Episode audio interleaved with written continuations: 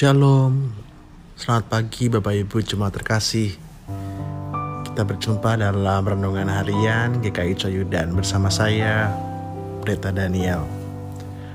Pada pagi hari ini bacaan kita terambil dari Efesus 5 ayat 8 sampai 20. Tapi saya akan bacakan nas yang difokuskan pada ayat 15 dan ayat 16.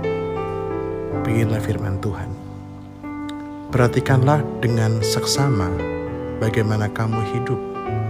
Janganlah seperti orang bebal, tetapi seperti orang arif. Dan pergunakanlah waktu yang ada karena hari-hari ini adalah jahat. Bapak Ibu terkasih, saya masih ingat ketika saya les atau belajar mengemudi Salah satu pelajaran yang saya ingat ketika saya belajar mengemudi adalah uh, pelatih saya atau instruktur saya selalu mengingatkan kepada saya untuk perhatikan jalan. Perhatikan spion di sampingmu katanya. Spion kanan, spion kiri, spion belakang maupun juga jalan yang ada di depan kita. Sebelum belok, perhatikan bahwa jalannya aman untuk kita lewati. Demikian pula dengan Paulus kepada jemaat Efesus. Ayat 15 mengatakan, "Perhatikanlah dengan seksama." Dalam bahasa aslinya, kata "perhatikan dengan seksama" dapat diartikan secara harafiah berarti perhatikan jalanmu. Paulus ingin mengingatkan kepada jemaat Efesus untuk perhatikan jalan hidupmu secara khusus. Lihat sekelilingmu. Jangan sampai engkau terbawa pada jalan kehidupan yang lama. Jangan sampai engkau tergelincir dengan cara hidup seperti orang bebal. Hidup yang mengikuti nafsu kita, hidup yang mengikuti kepentingan diri kita menurut cara kita, bukan dengan kehendak Allah.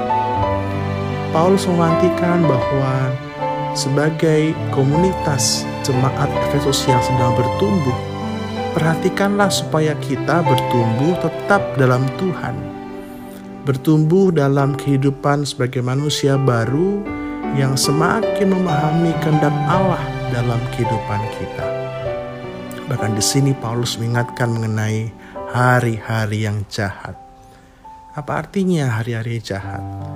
Paulus mengajak sekali lagi untuk mengingat bahwa hari-hari yang kita hidupi saat ini menjadi kesempatan yang harusnya kita gunakan menjadi kesempatan untuk menjadi lebih baik, bukan menjadi lebih buruk.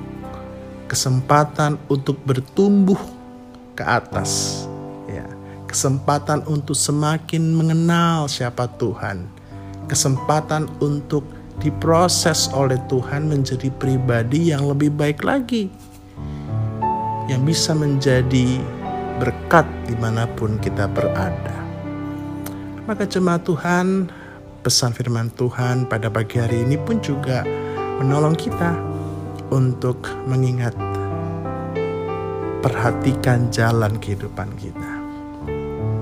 Perhatikan agar jangan sampai kita tergelincir ke dalam bahaya yang membuat kita jatuh. Perhatikan agar jangan sampai kita masuk ke dalam jalan yang salah, tapi tetap berada di jalan Tuhan. Maka biarlah kita boleh berdoa bersama-sama agar Tuhan menolong kita dalam perjalanan kehidupan kita sehingga kita boleh terus berjalan di dalam jalan yang Tuhan kehendaki. Biarlah kuasa Roh Kudus yang boleh menolong kita untuk menghidupi firman Tuhan. Mari kita berdoa. Bapa di surga, kadang-kadang Tuhan dalam kehidupan kami, kami tersesat. Terkadang kami abai, lalai memperhatikan jalan kami.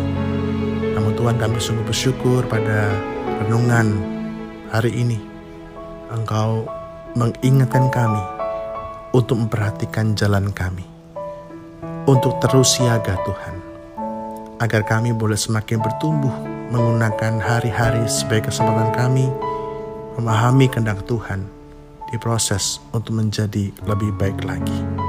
Terima kasih ya Allah, menserahkan kehidupan kami hanya dalam nama Tuhan Yesus Kristus. Amin. Tuhan memberkati kita semua. Amin.